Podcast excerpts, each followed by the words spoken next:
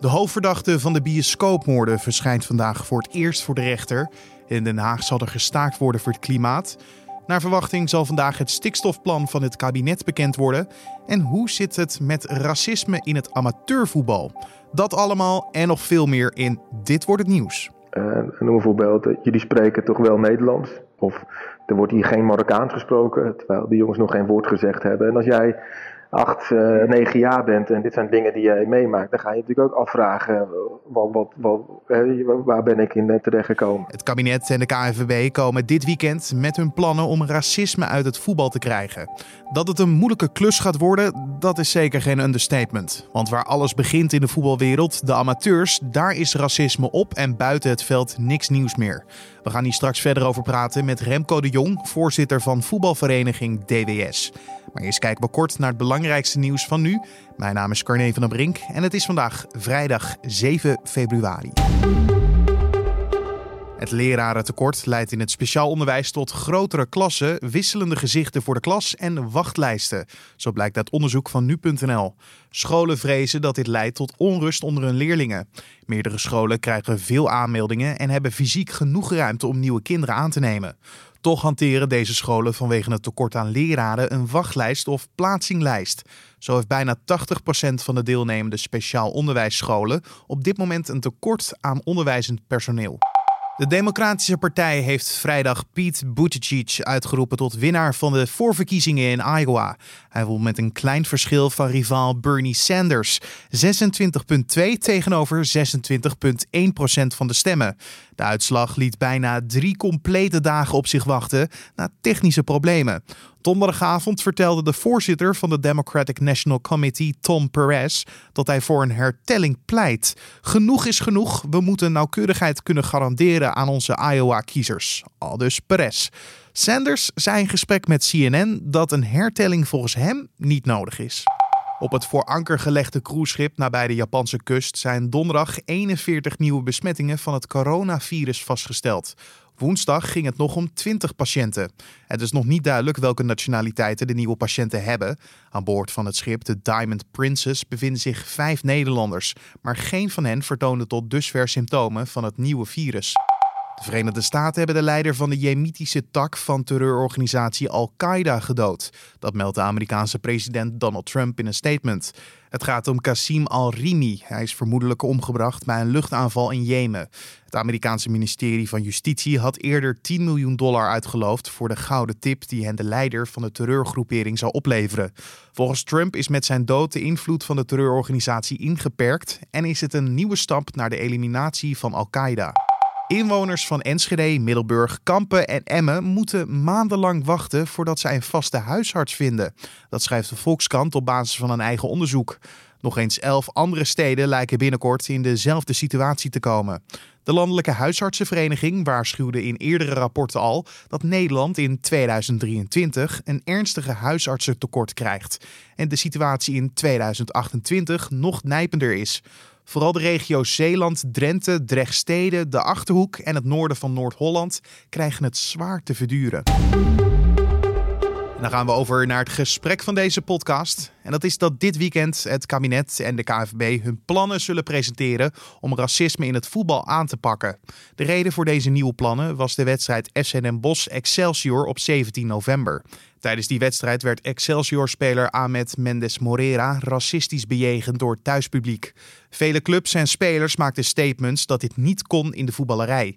Hoe ze het structureel willen aanpakken, dat horen we dit weekend. Alleen, zoals alles in het voetbal, begint het bij de amateurclubs. Want is dit een probleem wat zij ook herkennen? En zo ja, waar lopen ze tegenaan?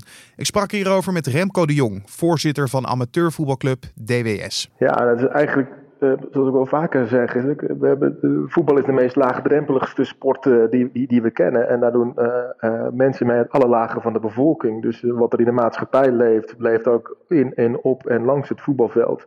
En um, ja, racisme is waar we natuurlijk in de maatschappij vaker, steeds vaker aandacht voor, voor, voor, krijgen. En, en ook veel vaker meemaken. En dat gebeurt ook op het voetbalveld. En, ja, als je dan heel erg gaat inzoomen, is het, uh, is het, gebeurt het vaker langs de lijn dan binnen de lijnen. Uh, langs de lijnen merk je vooral dat uh, mensen zich steeds mondiger zijn gaan gedragen. En ja, er vaak ook niet voor schromen om, om, ja, toch mensen de racistisch te bejegenen.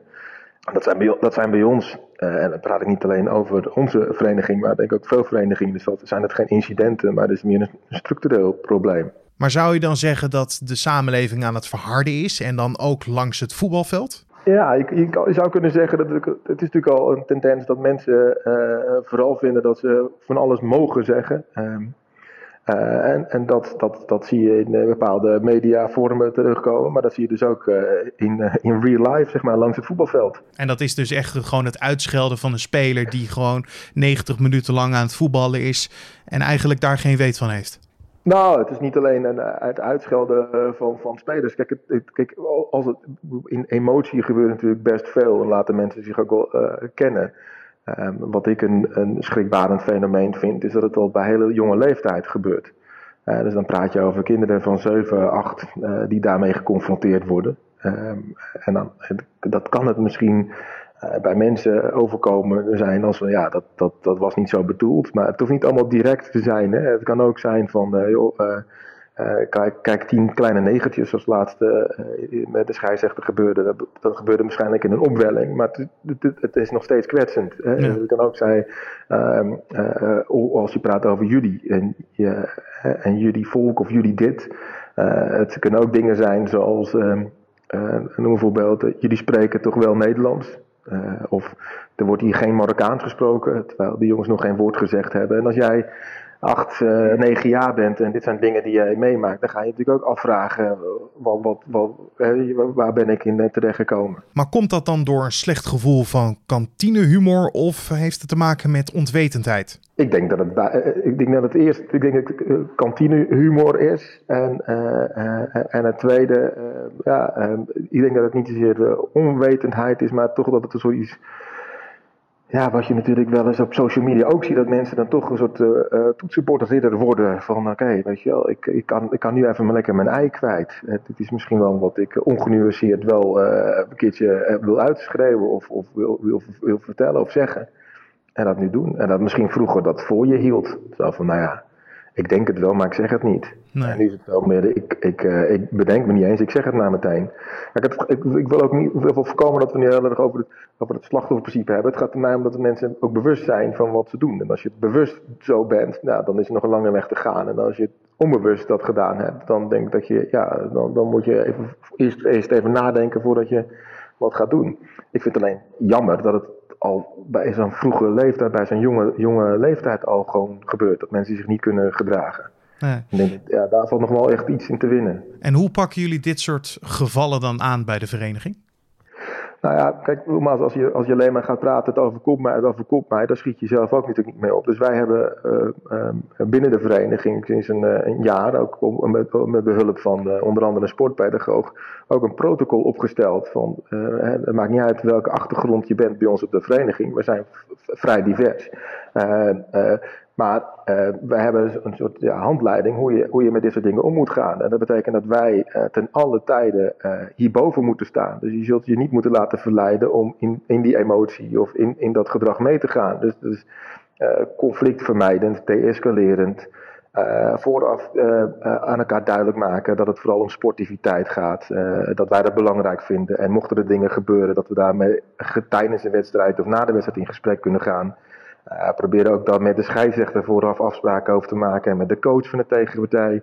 Mocht er iets voorgevallen zijn, uh, probeer dat dan uh, in ieder geval bespreekbaar te maken. Nou, is het niet opgelost, dan kun je altijd maar dan liefst meteen het bestuur van ons inlichten en de jeugdcoördinatoren, zodat die contact op kunnen nemen met de tegenpartij. Nou ja, kom je er dan niet uit, dan gaan we wel een keer naar de KVB toe. Goed dat je het zegt inderdaad, want ik was wel benieuwd. Jullie hebben dus heel veel stappen die jullie doorlopen, maar ja. krijgen jullie ook veel bijval van de KNVB? Nou, kijk, de, de, het, uh, de KNVB valt in dit uh, eigenlijk ook niet te benijden. Kijk, uh, wat de KNVB in onze regio goed heeft gedaan met hun verenigingscoördinatoren, is dat ze eigenlijk de, de, de verenigingen onderling veel meer aan gekoppeld hebben. Dus zijn er voorvallen, weet je, probeer onderling elkaar ook met, met, met, met zeg maar dat te bespreken, zonder dat het gelijk weer tuchtcommissies wordt en al dat soort dingen. Dus dat, dat gebeurt al binnen de grote stad, in ieder geval bij ons in Amsterdam. Maar zij zijn natuurlijk ook beperkt in de maatregelen die ze kunnen nemen. Dus de meldingen die we vaak doen, ja, de, met de letter van de wet en de letter van de tuchtraad, kan je daar net niet, niet, niet mee. Weet je, er is er eigenlijk alleen maar. Je kunt alleen maar straffen, je kunt alleen maar de grote boeman uithangen. En de vraag is of dat, dat de oplossing is. Ja, en uh, wij zien in ieder geval met de, zeker de recente gevallen, uh, aanmeldingen die we gedaan hebben, ja, daar kan niks mee gedaan worden. En dan zegt de KNVB ook letterlijk, ja, het, het, dan moet je ook eigenlijk maar naar de politie gaan en aangifte doen. En dat gaat een stap te ver volgens jullie? Nou, dat in, in, in, in veel gevallen, dat zei je natuurlijk net al, gebeurt het natuurlijk in een opwelling, of is onbewust, of hij heeft het in een andere context uh, dan waar het niet gebeurt. En ik denk dat het, de vraag is, moet je dan zo iemand gelijk uh, strafrechtelijk vervolgen, uh, of ga je juist met diegene uh, in gesprek of probeer daar een, een, een, traject mee af te spreken waardoor die bewust wordt van zijn gedrag en dat hopelijk ook inziet en verandert. En ik denk dat het laatste is wat we met z'n allen willen, in plaats van dat er straks weer heel veel zaken bij een, uh, bij een rechter liggen uh, die we ook op een andere manier hadden op willen lossen. En ja. dan wil ik racisme niet vergelijken met bijvoorbeeld uh, alcohol in het verkeer. Maar we hebben natuurlijk voor alcohol in het verkeer hebben we ook verschillende programma's lopen waar mensen bewust worden van hun gedrag. En uh, hopelijk uh, uh, dat ook gaan veranderen. En uh, nu dit weekend uh, maakt de KNVB en het kabinet bekend welke plannen zij gaan ondernemen. Of welke acties ze gaan ondernemen om dit probleem te tackelen. Om in voetbaltermen te blijven. Wat is er volgens jou dan nu acuut nodig om dit probleem aan te pakken? Nou, ik denk dat voornamelijk er zijn twee dingen belangrijk. En dat, dat daar spelen de het kabinet en de, en de KNVB een grote rol in. Is dat we vooral verklaren dat dit gedrag niet te tolereren is. en dat het ook niet wenselijk is. En dat we het ook met z'n allen niet moeten willen. En ik zou eerder, kijk, beleid, dus maatregelen, dat heeft een bepaalde aanlooptijd. Maar uiteindelijk in de uitvoering komt het weer aan op mensen. En in het amateurvoetbal betekent dat de, de, de uitvoering ligt, of de handhaving ligt, bij welwillende vrijwilligers.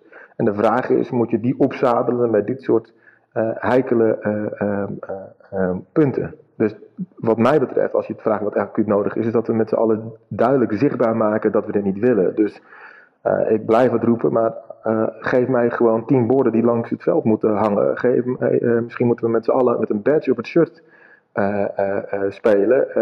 krijg ik sandwichborden voorbij in de kantine, waar vooral staat dat wij als KVB en, en, en de regering, of in ieder geval de KVB in dit geval, gewoon niks te maken willen hebben met racisme. Nee tegen racisme ja, dan is in ieder geval iemand die al de intentie heeft, of al niet helemaal die, die ziet wel in ieder geval op een aantal plekken rondom het sportpark of rondom het veld, dat, dat dat niet het gedrag is wat we met z'n allen willen. Nee. Kijk, en, en, camera's gaan er echt niet bij elke amateurvereniging hangen. Uh, als wij uh, mooie folders krijgen en posters op te hangen, dat, dat doet hem ook niet. Ik denk dat je het gewoon ja, uh, uh, tastbaarder dan op het shirt is, is het niet. Langs het veld, weet je, mensen kunnen altijd nog wijzen. Dus als, als je niet iemand wil aanspreken op zijn gedrag, kun je altijd nog wijzen. Naar een bord van, ja, er staat toch duidelijk wat we willen. Dat is dat niet wat we willen. Kijk, ik, ik, heb op dit moment niet het gevoel, want we zijn in principe, de, wedstrijd tegen Den Bosch was ergens in november. we praten, we zijn nu twee maanden later ik heb maar niet het gevoel dat, dat, dat, dat er nou echt daadwerkelijk iets veranderd is met het nationale afkeuren, afkeuren wat we toen hadden. Toen was iedereen in alle staten van goh, dat het gebeurt. Er is niks veranderd. Om het heel eerlijk te zijn, ik, ik, wij hebben twee meldingen gedaan in die tijd waar, waar we best emotioneel, die emotioneel vrij hoog, ja, heftig waren. En daar is niks mee gebeurd. En ik kan niet aan mijn leden uitleggen eh, waarom dat is. Ik kan ook niet uitleggen wat er ook gaat veranderen. En dus dan krijg je het gevolg dat mensen zoiets hebben van ja, ik doe die melding al niet. Ik ga er niet eens meer aan de slag, bij aan de slag, want er gebeurt toch niks. Dat was Remco de Jong, voorzitter van voetbalvereniging DWS. En zoals ik al eerder zei, zaterdag zullen dus de plannen van het kabinet en de KNVB bekend worden. Nu.nl is hierbij aanwezig, dus wil je op de hoogte blijven, volg dan zeker dit weekend onze site en de app. Dan kijken we nog even wat er verder op de agenda voor deze dag staat. Vandaag verschijnt Ergun S. voor het eerst in de rechtbank in Groningen. De man wordt verdacht van een dubbele moord. S. zou in oktober vorig jaar een echtpaar hebben omgebracht in een Groningse bioscoop. En een dag later werd hij in de stad aangehouden door de politie.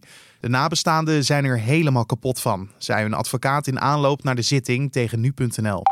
Om 1 uur vanmiddag begint de klimaatstaking van Youth for Climate. Naar verwachting verzamelen de scholieren op het Malieveld in Den Haag. En dit is precies een jaar geleden dat jongeren ook al voor het klimaat staakten. Toen kwamen meer dan 10.000 scholieren naar Den Haag. De opkomst voor dit jaar ligt waarschijnlijk lager. Naar verwachting maakt minister Carola Schouten van Landbouw vandaag de details bekend over het stikstofplan van het kabinet. Haagse bronnen melden eerder deze week al aan nu.nl dat er ongeveer een half miljard euro wordt uitgetrokken om boeren vrijwillig uit te kopen en om boeren te helpen bij het verduurzamen van hun stallen. En dan nog even het weer. Het wordt vandaag een zonnige vrijdagmiddagborrel. Want wolkenvelden van de afgelopen dagen zijn via het noorden weggetrokken.